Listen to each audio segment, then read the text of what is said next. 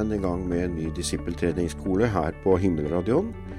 Det er pastor Bjørn Tore Friberg som underviser om dette med tro. Og eh, dette er den første eh, utgaven i 2020.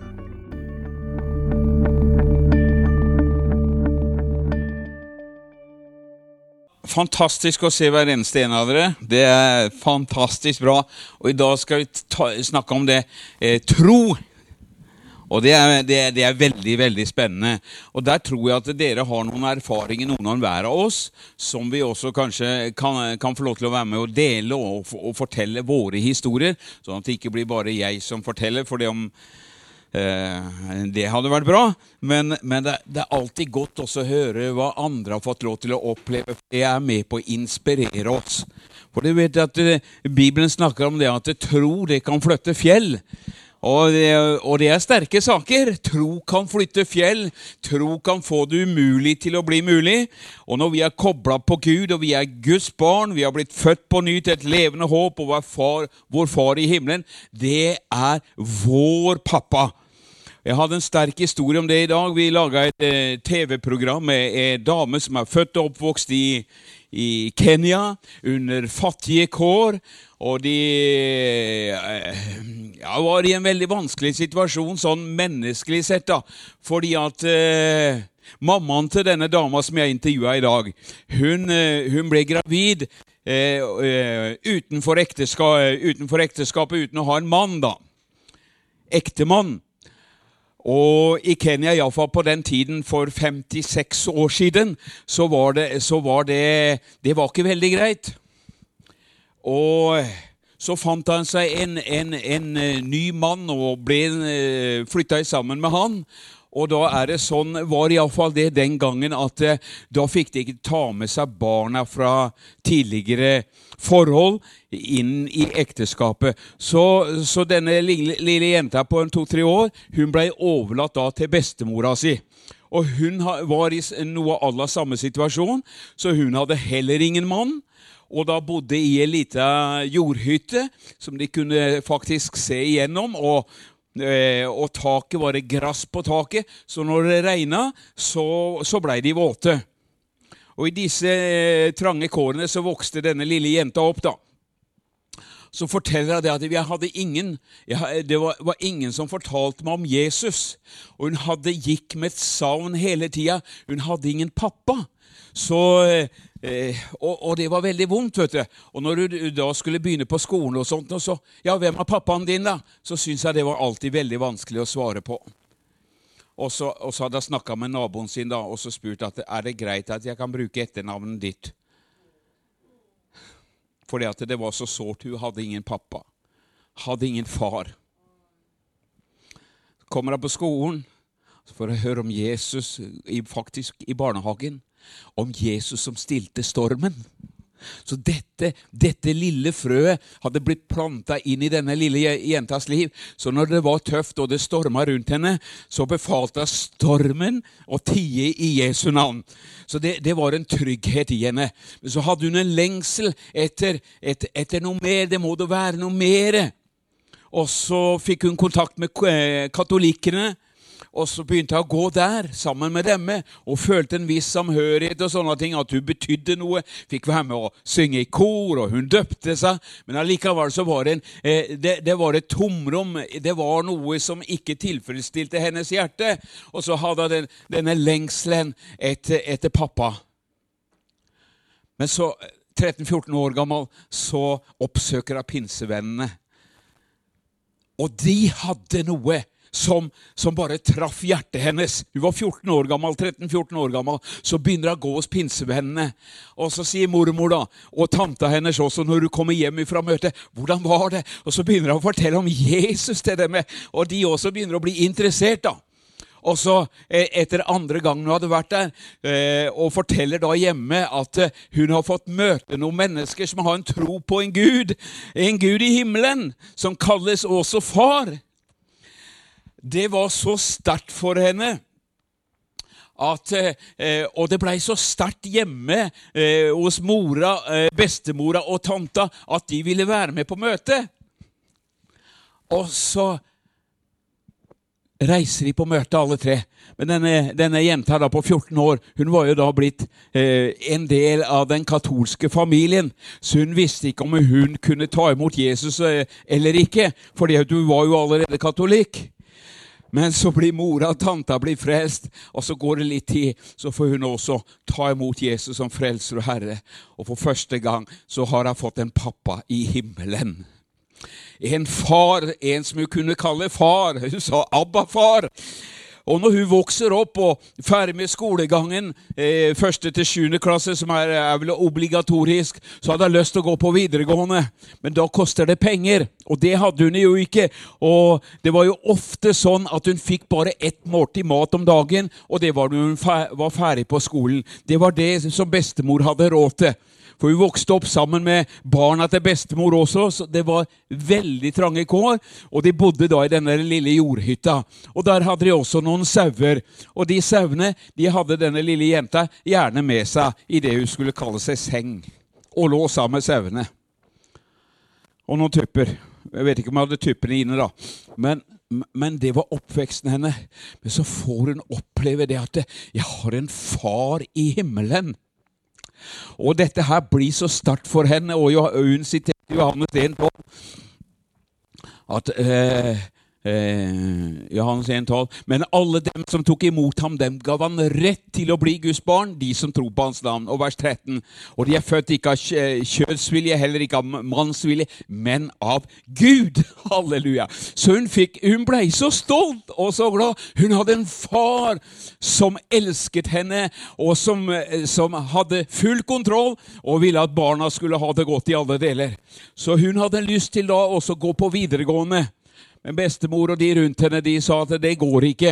Vi har ikke råd, vi har ikke mulighet til det. Men da hadde hun fått noe inn i sitt liv. Hun var ikke lenger 'stakkars meg'. Hun var, hun var datter av kongenes konge. Så hun gikk og banka på en del dører og spurte om de kunne støtte henne. Men, men ingen kunne. Så var hun sånn desperat, men hun skjønte 'Gud, du er min pappa'. Så hun bestemte seg for det. Jeg oppsøker skolen, for hun hadde kommet inn på skolen og kunne få lov til å begynne, men det var langt unna. Og, øh, og Da måtte hun sitte på en lastebil oppe på lasteplan sammen med en del andre. Og så kjørte de og måtte overnatte underveis. Og så kommer hun til skolen. Så har hun med seg en liten lapp der det står at, eh, at hun har gode evner og vil på skole, men pga. situasjonen med familien så er hun fattig og har ikke muligheter da til å betale. Men siden den dagen ble det ingen spørsmål om penger. Hun fikk gå på skolen. Hun gikk fire år, så gikk hun to år. Utdanna seg til, til, lærer, og så til rektor, og, og faktisk også videre. Så hun hadde en pappa i himmelen. Og så står det alt er mulig for den som tror. Amen. Så det å å, halleluja, få lov til å få tro på en levende Gud, det kan forandre fjell. altså Det kan forvandle omstendigheter. Det kan gjøre nederlag om til seier. Fra å være i fattigdom og elendighet, så kunne denne dama få lov til å vokse opp, ta utdannelse. Og da hadde jeg jo selvfølgelig et hjerte. Jeg må jo hjelpe familien min. Jeg må hjelpe vennene mine. Så en av brødrene hennes ble faktisk eh, utdanna og, eh, og gikk på universitetet. Halleluja. Så ikke bare for hennes egen del opplevde hun at Gud var fantastisk god, men gjennom dette at Gud møtte henne, og hun fikk en far, så kunne hun få lov til å være til velsignelse og hjelp for sine fam eh, familie og omgivelser, så at de også skulle komme ut av fattigdommen. Mange afrikanerne vet du, og også andre kommer fra andre land. De har et hjerte for familien sin, for vennene sine. Du skjønner det at Når Gud gjør noe med oss mennesker, så får det konsekvenser. Det blir som ringer i vannet. Og så få lov til å få tak på denne troen på Jesus. Denne enkle troen på Jesus. At Jesus får lov til å komme inn i hjertene våre og bli herre i livene våre. Da starter en snuoperasjon som er eh, ja, som, som, som, kan være veldig fantastisk. Sier ikke at det alt er lett, men det å få lov til å bare vite dette her Jeg har en far i himmelen som har født meg. Jeg har kommet inn i en ny familie. Jeg er elsket. Jeg er dyrebar. Jeg er satt pris på. Gud elsker meg med en evig kjærlighet. Bare forstått bare, bare forstått det, at vi har en far i himmelen som har all makt i himmel og på jord. Det kommer til å gjøre sånn at alt det vi møter i vår vei, det kan være som bagateller i forhold. For hvis Gud er med oss, hvem kan da være imot oss i Bibelen? Hvem har da noe å stille opp med, sier en annen oversettelse. Så hvis Gud er på din side, Oi, oi, oi. Da ligger du godt an. Har ikke det godt sagt? Da ligger du godt an. Så jeg har så lyst til å dele noe om, om, om dette med tro i dag. For tro, det kan flytte fjell. Det kan få umulige ting til å bli mulig. Og vi skal lese litt. Så deler jeg litt om definisjonen på, på, på, på, dette. Det er jo noen som har en nådegave til å tro over til. Og det er jo herlig. Og nådegaven til, til, å tro er en særskilt evne som Gud gir til noen lemmer på Kristi legeme, og som setter dem i stand til å ha en usedvanlig sterk tiltro til det de ser er Guds vilje for den framtidige utviklingen av arbeidet eller i livet. Mens enhver kristen har som oppgave å sette sin lit til Kristus i alle spørsmål, har Gud gitt noen en særskilt trosgave.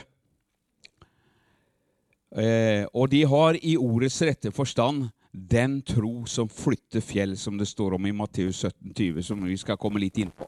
De rygger ikke tilbake for å ta stor risiko når de er overbevist om at en bestemt sak er Guds vilje. Mennesker med denne gaven er ofte visjonære, og de setter en gang en ny utvikling eller starter ting osv.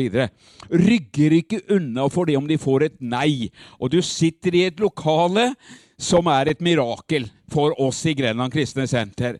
Det, folk kunne si det var umulig, det nytter ikke osv., det går ikke osv. Men, men halleluja! Når Gud gir noe inn i hjertet til mennesker, så er det ingenting som kan stoppe dem i Jesu navn. Og Jeg skal ikke gå i detaljer på det, men derfor så har vi også en kristen grunnskole her, sånn, fordi at det var noen som fikk tro for at dette eh, var noe som lå på Guds hjerte. Og noen er overbevist om noe som ligger på Guds hjerte, ja, får han en voldsom frimodighet. Og da tar han ikke et nei for et nei, for han bare vet at han vet at han vet at halleluja, Gud, hvis du er for meg, da går det igjennom til seier. Uansett hva som møter oss. Og vi skal ta med noen fantastiske skriftsteder. I Matteus 8, fra vers 5 til 13. Skal vi se om vi kan finne opp i det. Ja, vi skal jo det, da. Matteus 8. Da Jesus var på vei inn i Kapernaum, kom høvesmannen til ham og ba ham og sa, Herre, tjeneren min ligger lam hjemme og eh, med svære plager. Og Jesus ta, sa til ham, 'Jeg skal komme og helbrede ham.' Høvesmannen svarte og sa, 'Herre, jeg er ikke verdig til at du kommer inn under mitt tak.' Men si bare et ord, så vil tjeneren min bli helbredet. Det var voldsomt. For, og så forklarer han, for jeg er også en mann som står under myndighet og har soldater under meg igjen. Han var kaptein, og han hadde ansvar for 100 mann. Og sier jeg til en 'gå', så går han, og til en annen 'kom', eh, og han kommer. Og til tjeneren min 'gjør dette', og han gjør det. Det er jo sånn det er. Da Jesus hørte dette, undret han seg og sa til dem som fulgte etter, sannelig sier jeg dere, ikke engang i Israel, halleluja, har jeg funnet en så stor tro. Wow! Hva er det denne mannen har? Jo, han hadde forstått noe. Han hadde forstått det at eh, på samme måte som han sto under eh, eh overordnede og hadde soldater under seg, så sa han til én 'gjør dette', så gjorde han det. Eller 'kom hit', så kom han hit. Og på samme måte så skjønte denne, eh, denne høvedsmannen at Jesus han sto under autoritet, og han hadde autoritet. Så han var under noe. Han hadde Gud som sin far i himmelen, og så hadde han sine englene som var utsendt for å hjelpe dem som skulle arve frelse, og så hadde Jesus makt og myndighet. Så når Jesus sa noe, så skjønte høvesmannen at hvis du bare sier et ord, Jesus, så kommer eh, eh, eh drengen min til å bli helbredet. Eller tjener, da. Tjener eller dreng, det er akkurat det samme.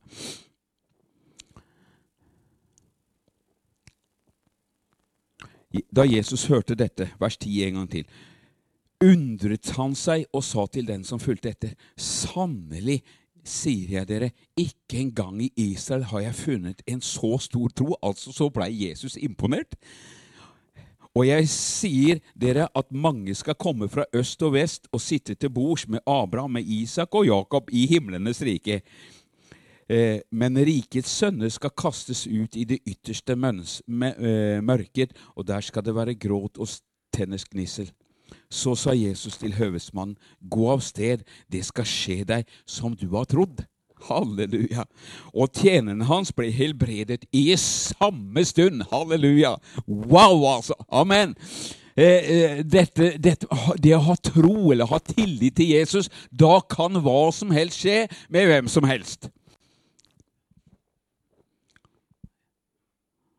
I Matteus 17, vers 20. Slutten av vers 20. Matteus 17, vers 20. Litt inn i kapitlet, så, eh, inn i verset, så sier Jesus.: For sannelig sier jeg dere, hvis dere har tro som et sennepsfrø, kan dere si til dette fjellet, løft deg eller flytt deg herfra og dit, og det skal flytte seg. Og ingenting skal være umulig for dere. Wow! Halleluja. Vi tror ofte det at vi må ha så stor tro osv., men her sier Jesus at det, holder med en liten sennepsfrøtro. Vi tenker at vi må, liksom, vi må ha en voldsom tro osv. for at ting skal skje. Nei, det, det, handler om det å ha en barnslig tillit til Jesus Kristus. Og det er ikke det at vi trenger å pumpe opp noe eller, eller, eller prøve liksom å ha så stor tro, men det handler om dette her. Ha en barnslig tillit. Pappaen min i himmelen himmelen. Halleluja. Han eier alt. Han kan alt, han vet om alt, og han er for meg. Og hvis han er for meg, da bare sier jeg 'stakkars mine omstendigheter'. Oi, oi, oi. Eller stakkars de som prøver å stoppe eller hindre det som min far i himmelen ønsker å gi meg. Det, det, det, å ha en sånn tillit til vår far i himmelen, det er bare fantastisk. Sier ikke at vi alltid har det sånn, men, men du verden hvor godt det er for den som har det sånn. Har tillit til Gud, har lagt livet sitt i Herrens hender. Herre, jeg er din. Amen. Nå er det ditt ansvar å sørge for meg. Nå er det ditt ansvar for å, for å utvikle meg, eh, for å istandsette meg. Jeg har lagt mitt liv i dine hender, Gud. Ja, skal jeg ikke gjøre noe, da? Jo da, du skal gjøre noe. Selvfølgelig skal du det. Med, for vi skal, gå, vi skal, jo gå i ferdiglagte gjerninger. Vi kan ikke bare vente at Gud skal gjøre allting. Men Gud vil lede oss i ferdiglagte gjerninger. Så ikke legg deg bare på sofaen og tenk at ja, nå ordner altså. Skal, vi skal samarbeide med Den hellige ånd. Halleluja. Apostlene, vet du, de er jo, Det er jo fantastisk å lese om apostlenes gjerninger, men det står faktisk gjerninger. De satt ikke bare på øvre salen, men de gikk ut på gatene. De forkynte evangeliet, de reiste fra by til by. De, de tok Til og med lamme tok de i hendene og bare reiste de opp. Amen. Så de gjorde noe, altså. Så eh, halleluja. Så det er herlig å få lov til å være med og gjøre noe i Guds rike. Vi, eh, vi er ikke på gamlehjem. Det, eh, det, det, er ikke noe å trakte etter. Det, de kan ha det godt der, absolutt. da. Men, men Gud ønsker at vi skal få lov til å være aktive som hans barn. Og så ha en tro på Gud. Halleluja. Da er allting mulig. I Matteus 21 Skal vi se her fra vers 18. Matteus 21, 18.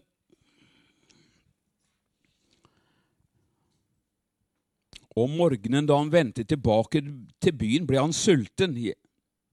Og Da han fikk se et fikentre på veien, gikk han bort til det og fant ikke annet på det enn løv.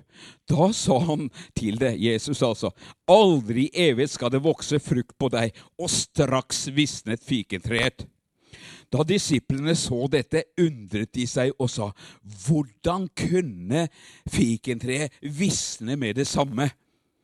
Da svarte Jesus og sa til dem, Sannelig, sannelig, sier jeg dere, hvis dere har tro og ikke tviler, skal dere ikke bare se eller kunne gjøre dette med fikentreet, men også om dere sier til dette fjellet, løft deg og kast deg i havet, så skal det skje.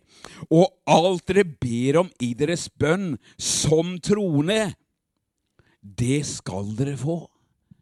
Eller som en, i en annen settelse så står det Og alt dere ber eh, i, i, i, deres bønner med tro, det skal dere få.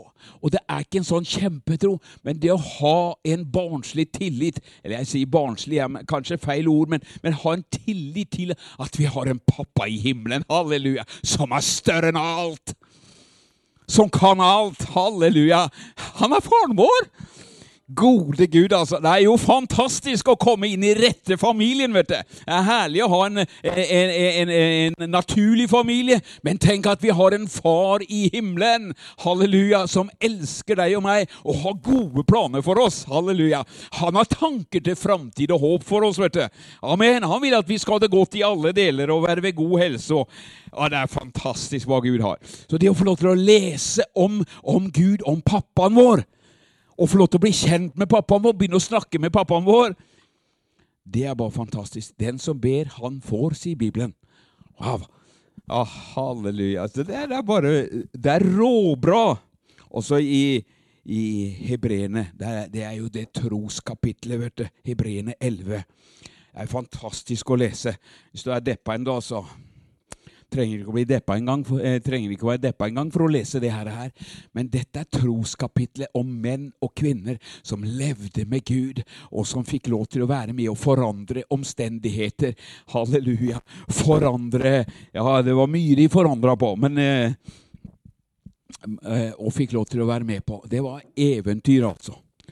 Og så sier han eh, i, i, vers 1, da, i begynnelsen på dette her, om dette med tro. Hebreerne 11. Tro er full tillit. En annen eh, oversettelse står tro er full visshet om det en håper på, og ved bevisning om det en ikke ser. Men hvis vi vet hvem Gud er, og fått lov til å lære Gud å kjenne, sett i Skriftene at Gud er trofast, Gud kan ikke lyve, han elsker deg med en evig kjærlighet, så er det ikke vanskelig å få tillit til Gud. Så går det an å se litt tilbake i alle de gangene som du har ropa til Gud eller bedt til Gud, og opplevd at Gud har hjelpa deg, ført deg gjennom, laga en vei der det ikke var veier. Så, så, så, så øker jo tilliten, vet du øker jo troen, øker tilliten, fordi at vi har fått å erfare at Gud har vært med oss og berga oss eller leda oss eller gjort det sånn at vi har fått lov til å gå i ferdiglagte gjerninger.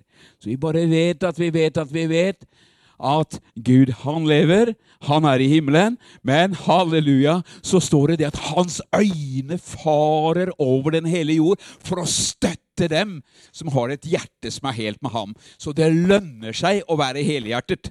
Det, ikke være lunken. Ikke være kald, det er fryktelig dumt, men få lov til å være brennende i ånden, som det står. Og hva er det for noe? Ha full tillit til vår Far i himmelen. Og ved bevisning om det en ikke ser, for, for, for ved den fikk de gamle godt vitnesbyrd. Og ved tro forstår vi at verden ble formet med, ved Guds ord, og at de ting som ses, ikke ble til av det synlige.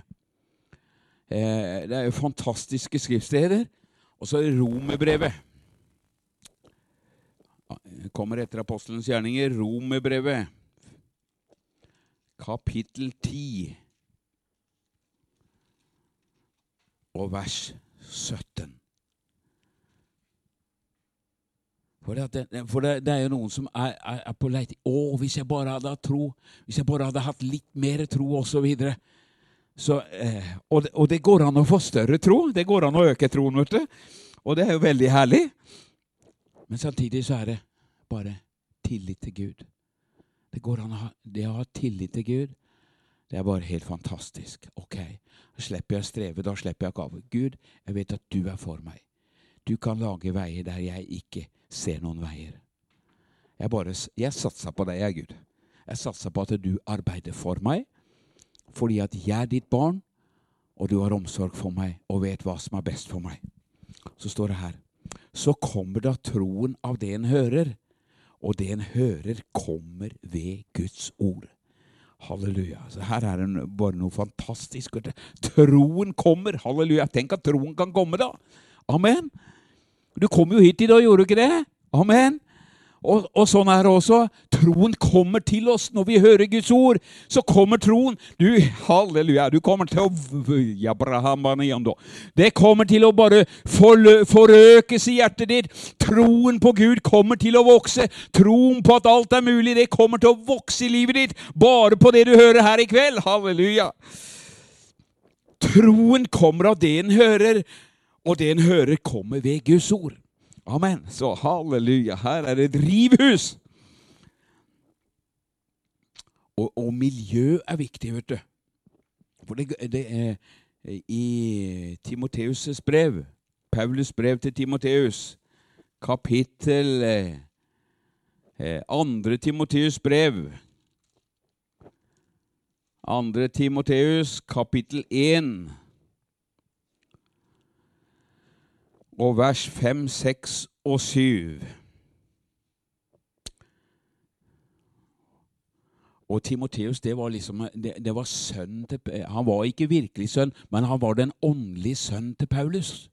Og Paulus han skriver til Timoteus og oppmuntrer ham som en god far, åndelig far. Og så sier han her i Jeg eh, kunne jo lest alt sammen, da, men det, men, men, så sier han ettersom jeg har blitt minnet om den ekte troen som er i deg. Da hadde Paulus vært i bønn, han var i fengsel.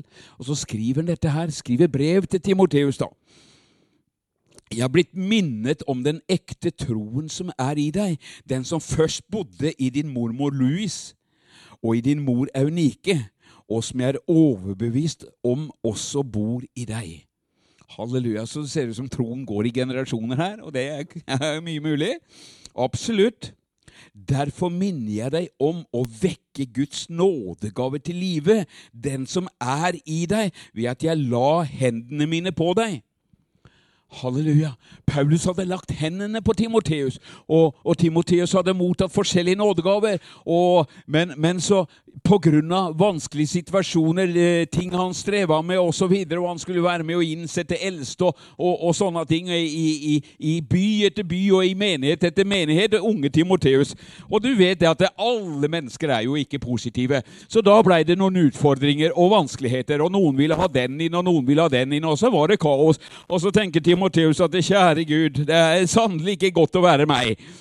Sånn som du har tenkt noen ganger, og jeg òg. Uff a meg, jeg er fæle greier. Men så, si, så er det godt å ha noen åndelige fedre og mødre som våker over oss i bønn og ber for oss, og så blir de minnet om oss. Og så, og så skriver til Paulus til Timoteus jeg, jeg, ber meg at du igjen tenner opp igjen den nådegave som jeg er overbevist om fins i deg. For når jeg ba for deg, så du, tok du imot nådegaver. Derfor minner jeg deg om å vekke Guds nådegave til livet. Den som er i deg, ved at jeg la hendene på deg. For det, det, står jo det at Gud han tar ikke bort nådegaven ifra oss. Har du fått en gave, så, så, så, er det der. Han har gitt deg det, og han tar det ikke tilbake. Men, men du og jeg, kan, noen ganger så kan vi møte på ting. og, og eh, Tøffe omstendigheter, eller omgivelsene er kanskje ikke så veldig åpne for at vi skal bruke disse gavene. Og så kveles det, eller vi, vi blir nesten trykka ned og føler at nei, vi kan Det slokner hen, da. Men da er det veldig deilig at vi kan få lov til å være med og be for hverandre, oppmuntre hverandre til å tenne opp igjen de gaver og nådegaver som Gud har lagt ned i oss. For Gud, vers 7. For Gud har ikke gitt oss motløshetens ånd. Har du opplevd å bli motløs noen gang? Det er ikke fra Gud. det er ifra han derre ifra kjelleren. Så vi bare trykker oss ned og gjør oss motløse. Men det er ikke fra Gud, og det skal vi ikke ta imot. Vi sier, 'Kom deg tilbake der du hører hjemme'. Satan, med dine skitne fingre, ha deg vekk ifra meg. Du motløshetens ånd, gå! For det er en åndsmakt som vil trykke oss ned, stjele frimodigheten vår, stjele de gavene som Gud har gitt oss, og få oss på pass, eh, bli passive, skuffa, sitte hjemme og synes synd på oss sjøl og syns at det er ille, det.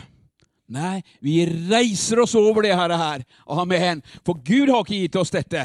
Gud har gitt oss kraften, kjærligheten og sindighetens ånd. Halleluja. Det er noe helt annet, det. Da eksploderer det på innsida mange ganger. Og, og, og, du kjenner dreiven og frimodigheten og ah, Begynner du sånn, så er du ho-ho, oppe igjen. Amen. Vi skal ikke legge oss under noe sånt nå. Nei, vi skal få lov til å reise oss opp i Jesu navn. Halleluja. Så står det i 2. Korinter 5. Er det noen som har klokke her? Jeg har jo klokke sjøl, da. 2. Korinter 5. 2. Korinter kapittel 5.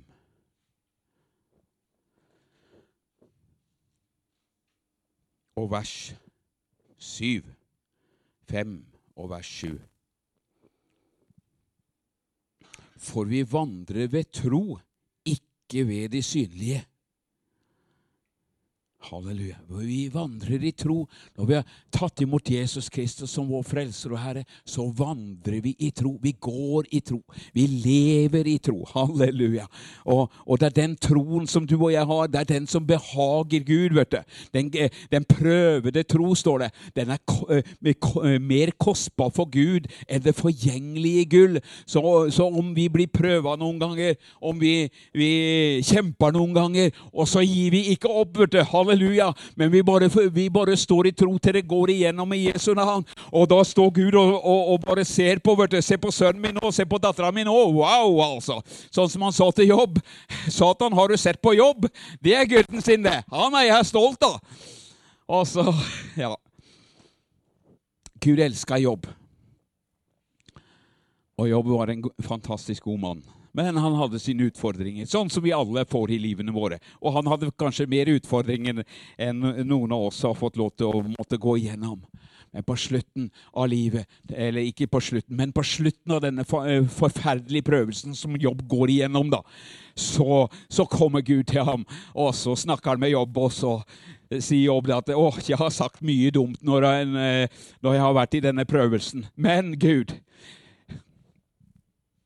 jeg ber om nåde, jeg ber om tilgivelse. Tilgi meg, Gud, jeg vet at du kan alt.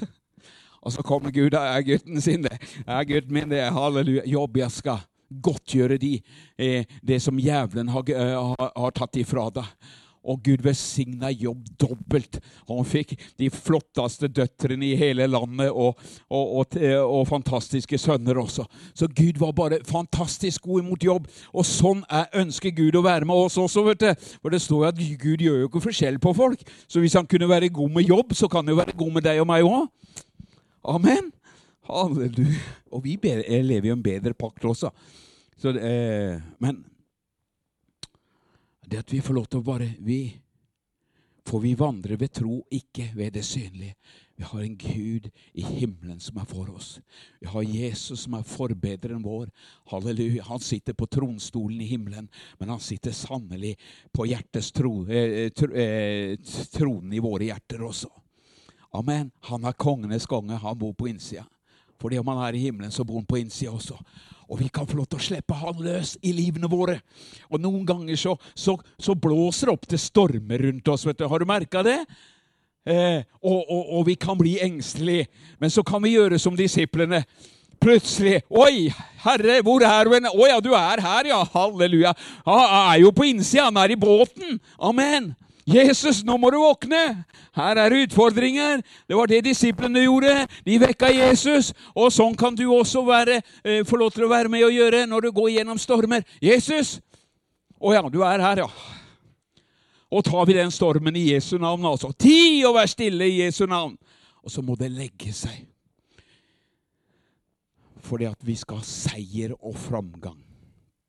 Vi er Guds sønner og Guds døtre. Vi er ikke noe hvem som helst heller. Altså, eh, ta, ta, ta en, liten, en, liten, sånn historie da, som eh, Ludvig Carlsen eh, eh, fortalte om. Som Jostein Janai skriver om. Han, eh, hadde Ludvig Carlsen gikk på gata i Oslo, og så traff han en av disse eh, alkoholikerne da, som rusa seg en del. da. Og så, og så stoppa Ludvig og prata med ham, og så sier han at du, du, du vet det at du har en far i himmelen som er glad i deg. Og ja, så har jeg det, sier han. Ja, men du ser åssen det eh, går, med meg. Ja, men du er en dyrebar skapning, sa han. Og bare talte tro inn i livet hans. Da, vet du. du er ikke noe hvem som helst. vet Du Du er sønn. Eh, hvis du tar imot Jesus som frelser og herre, så kommer du inn i Guds familie. Og Gud blir pappaen din. Og du blir sønn til Gud. Og du blir ikke noe hvem som helst. Han ble jo imponert. vet du. Så jeg, ja, ja, kanskje jeg skulle gjort det. da. Ja, Hvis du tar imot Jesus, så, så blir du født på ny. Og det blir en ny skapning. Ja, vil han gjøre det? Så ba Ludvig for da. I samme så kommer Svarte-Maria, da, eller politiet, da. Og så skal de ta denne karen her, da, vet du. Fordi at han var rusa. Og, så, og han står og sveier og, og er godt på han. Så, så det, politiet ville ta han da. Og han ble jo irritert, vet du. Så han sa til politifolka det at Ha dere vekk! Ha dere vekk! Jeg er ikke noe hvem som helst heller, skjønner du. Amen. Han hadde skjønt det. Han var en ny skapning. Amen. Han var en sønn, en, eh, sønn av den levende Gud. Og, og, det er sånn, vet du. Vi er ikke noe hvem som helst, vet du. Jeg er sønner og døtre av Gud. Du er jo dyrebar. Halleluja. Skal vi se, da.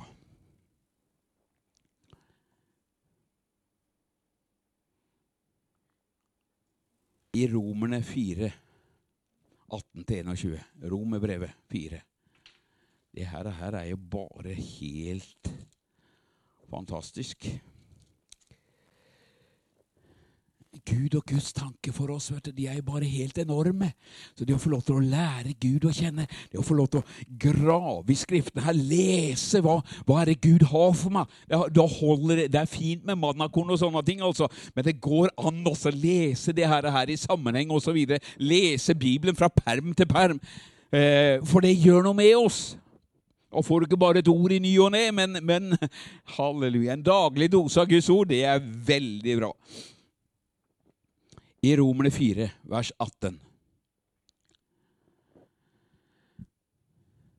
Skal vi se Da alt håp var ute, trodde han med håp Det var Abraham. At han skulle bli far til mange folkeslag etter det som var sagt. Slik skal din slekt. Han ble ikke svak i troen og var ikke opptatt av sin egen kropp, som allerede var utlevd, siden han snart var 100 år. Heller ikke var han opptatt av Saras døde morsliv. Det var dødt, altså.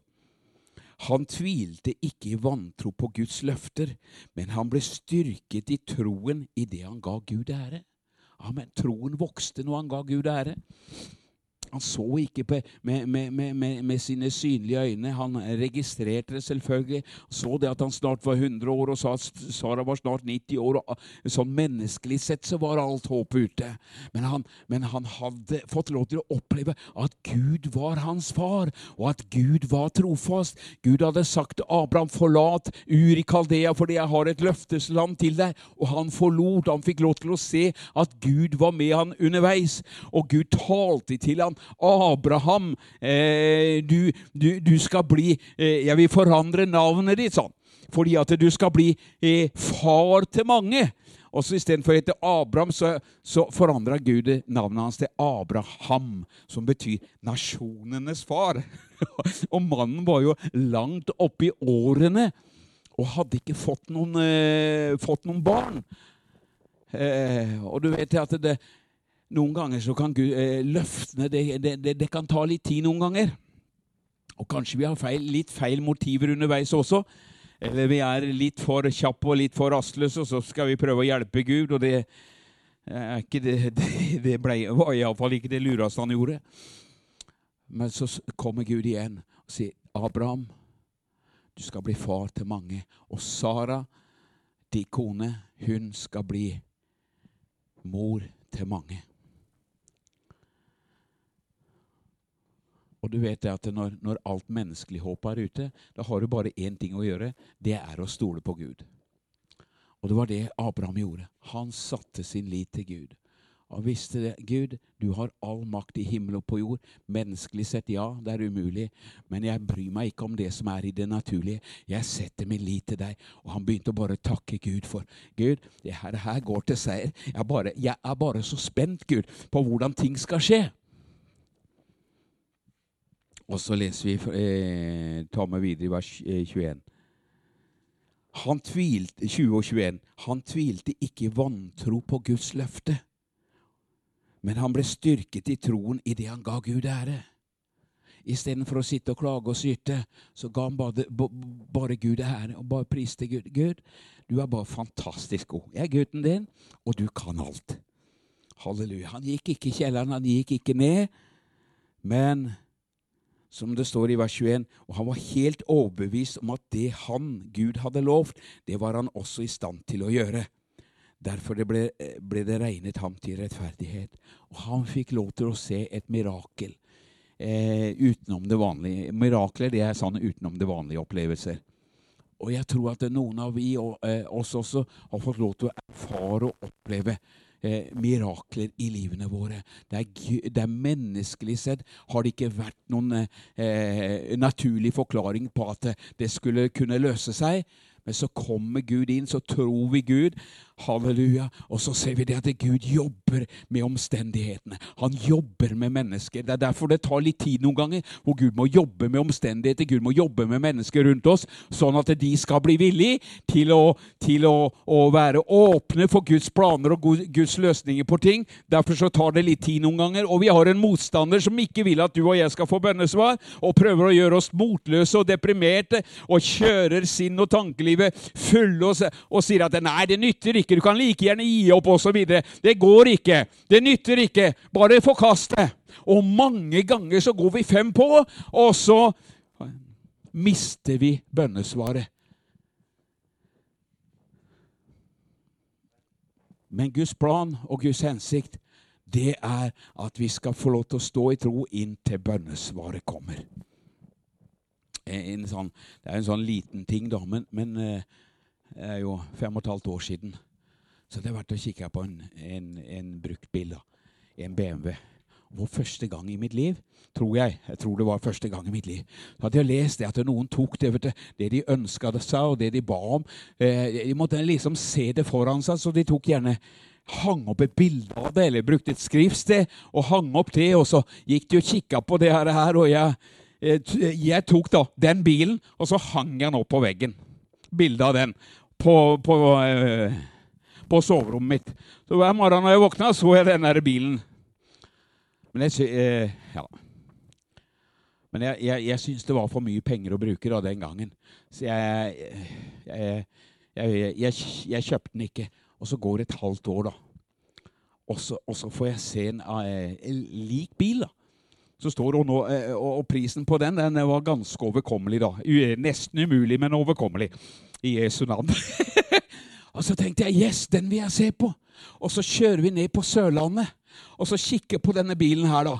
Det var 50 000 billigere eller eh, godt og vel 50 000 billig, 54 000 billigere enn den jeg hadde sett på et halvt år før. da. Så vet du hva det var? Det var nøyaktig. Det var den bilen. Det var ikke samme bil, det var den bilen som jeg hadde kikka på et halvt år før. Og så blei det en handel på den, da. Halleluja. Og den så på utsida nå. Jeg har stått der i fem år, da, men, eh, så nå begynner det å bli noen år. Men tenk på det her. Jeg bare tenkte jeg vil ha en sånn bil. Ja, det er jo, det er, jeg kunne jo sagt om, om sjelers frelse og alt det her, her isteden, men jeg brukte bare det vanlige bildet. Men jeg tror Gud vil at vi skal ha det godt i alle deler, og, og, eh, og også på det praktiske plan. Og vi kan ha, stå i tro for familien vår osv. Vi ønsker å se at mennesket skal bli frelst. Halleluja. Og jeg tror på dette med å få lov til å være overgitt til Gud, altså. Det å få lov til å legge livet i Herrens hender. Og, eh, ta en, en, liten historie til. Mange år siden. Jeg var ganske nyfrelst. Så visste jeg det at eh, Eller jeg, jeg ville jo leve med Jesus, du, men det er jo mange fristelser òg. Og, og jeg, jeg, jeg, er jo bygd for fart og spenning, så jeg elska å hoppe på ski. Og så hoppa vi på ski oppe i Bø i Telemark. Og vi, har bare slalåmski den gangen, da. Men så fikk vi ikke lov til å hoppe i hoppbakken, da. Fordi at vi ødela bakken for dem. Så tenkte jeg, kjære Gud. Og de sa til meg, 'Bjørn Tore, kjøp deg hoppski'. Og da tenkte jeg at nei, eh, det kan jeg vel ikke. Men så akkederte jeg litt med meg sjøl, og så fant jeg ut det at jo, jeg kan faktisk det. Og så sa jeg til Gud at det skal ikke gå utover møtene. Og da hadde vi møte på tirsdag, torsdag og søndag. Tror det var de tre dager i uka som jeg gikk på møter. Så jeg ville ikke at det skulle gå utover det, da. Så kjøpte jeg ski og begynte eh, å hoppe, da. Og det var jo så gøy! Kjempegøy! Huh! Ja, For den som har opplevd noe av det her, skjønner hva jeg snakker om. da. Men så sier vennene mine, da, vet du, noen av vennene mine som, som ikke var frelst, sier de at 'Bjørn Tore, bli med her. Nå er det skirenn her, nå er det hopprenn der', osv. Og, og så ga jeg etter for fristelsen, og så begynte jeg å hoppe i konkurranser. Og da gikk det utover møtene. Men så fikk jeg noen premier, da, vet du. Og det var jo fantastisk moro. På, på, våren så hadde jeg pakka sammen skia og så hadde jeg planer for neste år. Neste år da skulle jeg trene og forberede meg og, og være med i konkurranse. Og Så er jeg på møte nede i Blå Kors her, og så taler Gud til meg. Jeg kan ikke si ordrett hva, hva, det var, men sånn jeg opplevde at Gud talte til meg, det var Bjørn Tore, jeg har andre planer for deg, Bjørn Tore. Ta og brenn skia dine. Ah! Det kan iallfall ikke ha kommet i et budskap, eller sånne ting, men det var sånn jeg opplevde at det traff hjertet mitt. Og jeg fikk sånn utfordringer. Kjære Gud, tenkte jeg, skal jeg brenne skia mine? De er i tråd. Jeg kan jo selge de, eh, eller jeg kan gi de til lillebroren min. For han hadde fått de gamle skia mine, og han drev og hoppa, han også, da, og syntes det var veldig moro. Og så, og så, går jeg sånn og så prater med Gud om dagen, og jeg, jeg, jeg forsto ikke helt, helt, hva han ville. Men, men, jeg skjønte jo hva han sa. Men jeg tenkte, er det ikke noen andre veier, da? Og så ja, Kan jeg ikke gi de til broren min, da? Så tenkte jeg at nei, Hvis jeg gir han de skia, så vil jo han også komme enda lenger vekk fra Gud. Og han var jo ikke frelst engang. Og jeg ønska jo at han skulle bli frelst. Så i tre dager så, så jobba dette her i meg, og fikk jo ikke fred. da. Så etter tre dager så fyra jeg opp skia mine. Jeg torde ikke å si det til kona mi en gang med en gang. Eh, og iallfall ikke til familien min. da. Men jeg prøvde å forklare lillebroren min. da. Jeg sa jeg har brent opp skia mine. Jeg opplever at Gud har andre planer for meg enn dette. Det er ikke synd å hoppe på ski eller sånne ting. Men, eh, Og så skulle jeg forklare han da. at dette her, Jan, Jan Rikard, det førte meg bort ifra Gud. Og jeg er veldig glad i deg. Og jeg ønsker at du også skal få oppleve Jesus sånn som det jeg har fått oppleve. Så derfor så kunne jeg ikke gi deg heller skia, for da ville kanskje du, også fortsette å hoppe sånn som det gjorde da også. Kanskje Gud har andre planer for deg også. Så Jeg prøvde å forklare da, jeg vet ikke hvordan, han, øh, hvordan det gikk helt sånn, hvordan, om han forsto det eller ikke. Men to måneder etterpå, cirka det, så får jeg med både han og søstera mi på pinsehuset i Lunde. Og Der blir begge to frelst. Og broren min har vært frelst siden den gang. Eldstebror på evangeliehuset i Porsgrunn i dag. Halleluja. Levd som kristen. Amen. Det er, det er, ikke noe synd å hoppe på ski og sånne ting. Absolutt ikke. Men Gud har kanskje litt andre planer for oss, og han vet hva som er best. Så gikk det jo ikke lang tid før vi var ute i tjeneste og tjente Gud oppe i Nord-Norge og fikk være med på vekkelser og litt av hvert sånt noe. Og fikk, eh, har de i grunnen fått et flott liv. Og jeg tror det at Gud vet best. Så det å få lov til å legge livet i Herrens hender og stole på Ham, da lager han veier der du ikke ser noen vei, og han vet hva som er best for deg og meg. Så legg livet ditt i Herrens hender, og stol på Han. Han skal gjøre det. Og da tar vi en pause.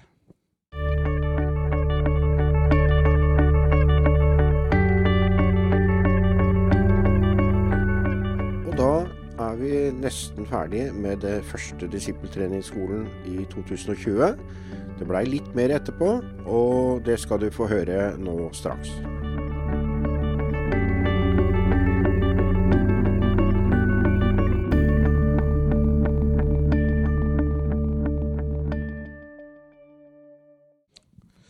Ja, og så slår vi opp i Jakobs brev. Det er etter hebreerbrevet, i kapittel 1, og fra vers 5. Her står det noe fint, vet du. Men hvis noen av dere mangler visdom, skal han be til Gud, han som gir alle rikelig og uten anklage, og den skal bli gitt ham. Men han må be i tro uten å tvile. For den som tviler, er lik en bølge på havet som blir drevet og kastet av vinden. For det mennesket må ikke tro at han skal få noe fra Herren. Han er jo en tvesinnet mann og ustø på alle sine veier. Uff da. Men, men i vers 5 Men hvis noen av dere mangler visdom, da må han be til Gud. Han som gir alle rikelig og uten anklage. Halleluja, var ikke det fint? Hvis vi hadde bare stoppa der. Må, og så står det må be tro, ha tillit til Gud, altså. Vår Far i himmelen. Få stole på Han. Han som har skapt oss. Han som har forma oss, han, han, som sier at vi var i Guds hjerte før verdens grunnvoll ble lagt. Han, pappaen vår i himmelen, som har skapt alt det du ser rundt oss, universet, eh, å si sol og måne og stjerner og alt det her. Han har skapt alt! Han har jo all makt i himmel og på jord. Tenk å få lov til å ha en tillit til Gud. Gud, du er pappaen min. Åh, jeg er gutten din, jeg er jenta di. Og så vet jeg det, Gud, at den som setter sin lit til deg, skal ikke komme på skam. Og så få lov til å sitere noen skriftsteder. Gud, du er for oss, du er ikke imot oss. Gud, alt er mulig for deg og alt er mulig for den som tror. Jeg setter min lit til deg, Gud. Du har det jeg trenger. Halleluja. Også, også no, i noen tilfeller, når vi står kanskje litt i vanskelige situasjoner, eller, eller, eller, det er ting som møter oss som vi står overfor, så kan Gud gi oss en overnaturlig tro. Har du merka det noen gang?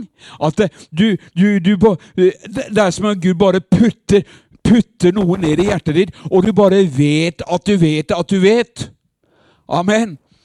Gud, du, det her, her kommer du til å fikse. Det her, her kommer til å gå igjennom til seg. Jeg setter min lit til deg. Jeg setter ikke min lit til omstendighetene, men jeg stoler på deg, Gud. Sånn som Abraham sa, og fikk løftesønnen, vet du. Halleluja. Sånn er det. Gud er en god Gud. Og så skal vi slå opp i stedet i 1. Korinter 12. Første Korinter 12. Der står det om de åndelige gavene, som er kjempe, kjempespennende. Og Gud han har jo så mange åndelige gaver som han ønsker bare å, å, å gi oss. Og der har du en hel samling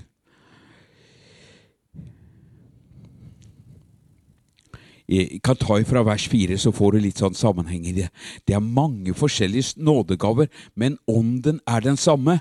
Det er mange forskjellige tjenester, men Herren er den samme, og det er mange forskjellige kraftige virkninger, men Gud er den samme, som virker alt i alle men åndens åpenbaring blir gitt til hver enkelt etter hva som er ganglig.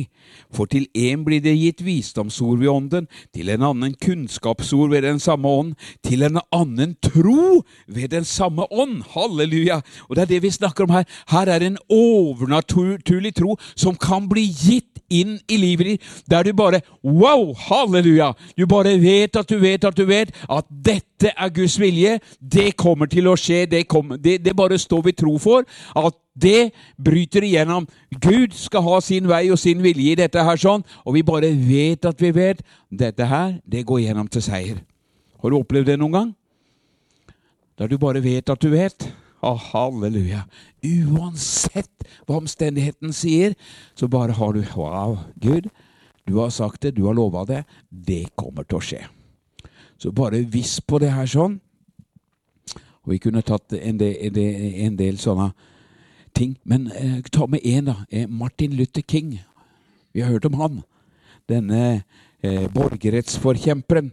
Og King hadde med sitt liv visst hvilken samfunnsforandrende kraft. Den urokkelige troen på Gud kunne være med på å eh, den, den troen på Gud kunne være med å utgjøre en forskjell. Denne troen drev han og hans medstridere til å kjempe mot undertrykkelsen av de svarte i USA og særlig tydelig ble denne trosgaven eh, tydelig i denne berømte borgerrettstalen han holdt i 1963 for mer enn 100 000 tilhørere i forbindelse med eh, marsjen i Washington. Og så sa han disse berømte ordene I have a dream, sa han. I have a dream. Og det var det som dreiv han. Han hadde en tro på Gud. At en dag så eh, uh, var det det at hans fire små barn en dag skulle leve i en verden hvor ikke, det ikke var hudfarge som talte, men karakterstyrken. I have a dream, han. Og drømte om en forandring i USA. Enda han var, svart, kom, var svart menneske og, og, og, kom fra, fra, eh, fra de svarte med den bakgrunnen, da. De sto jo ikke veldig høyt i kurs den gangen. Og det var mye slaveri og elendigheter. Men han hadde I have a dream, sånn. Så hadde han tro på Gud. Og så fikk han være med å mobilisere mennesker rundt seg og talte om det som Gud hadde vist ham. At en dag så, så skal det bli forandring i USA. Og så har du denne misjonærkvinnen Marie Monsen, vet du. Eh, som var misjonær i Kina. Eh, og hun skriver i sin bok fra 1960 at vi, nåtidens misjonærer, eh, er den første menighetsledere underlegne i tro og kraft. Så hun følte seg helt underlegen når hun så ifra de første kristne. Men så fikk hun tak i noen bøker, trosbøker, vet du, halleluja, og, og menn som hadde levd med Gud og fått lov til å være med og, og gjøre store forandringer. Og så fikk hun tak i de, de, de, de par av bøkene av George Muller og Huston Taylor. Og denne lesningen ble begynnelsen til en ufattelig nådig og langmodig eh, til, Denne lesningen ble begynnelsen til at en ufattelig eh, nådig og langmodig Gud kunne få en vantro troende som meg inn i troens sko skole, skriver hun. Hun så jo det. Hun fikk ikke se noen mirakler og sånne ting. Men så skjønte hun at jeg mangler noe. De første kristne de hadde jo mye mer enn meg. Men så fikk jeg tak i sånne to, to, bøker av menn som hadde levd et sterkt liv med Gud. Og det forandra Marie Monsen, så hun blei en troens kjempe og fikk lov til å utgjøre eh, en stor forskjell for veldig mange mennesker. Hun ble en troens kvinne. Hun var på ett nivå, men halleluja, så skjønte hun det at det, nei, det må da være mer. Og så begynte hun å lese disse bøkene til disse trosmennene. Så står det det at som, eh, som vi leste innledningsvis, tro troen kommer og forkynnelsen, så begynte hun plutselig å tro Wow, kunne de, så kan jeg òg! Og så begynte hun å tale til fjellene, så begynte hun å tale til sykdommer, så begynte hun å tale til plager, og hun fikk se mirakler! Amen! Og sånn er det for deg og meg òg, vet du. Vi går i en sånn trosskole alle sammen.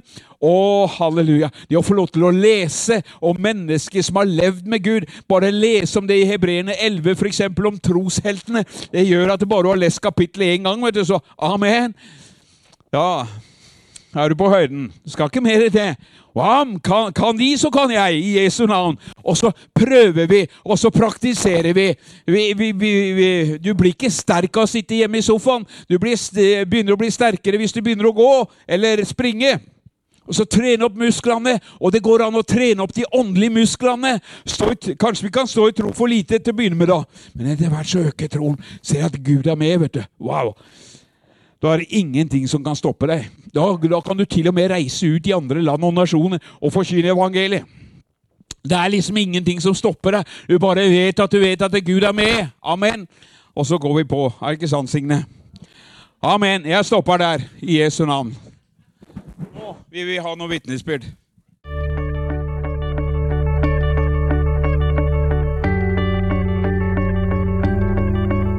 Og med det så er vi i mål i denne runden på Himmelradioen. Likte du det du hørte, så anbefaler vi deg å ta og fortelle om dette til andre, så andre også får anledning til å høre. Og med det så sier vi bare på gjenhør.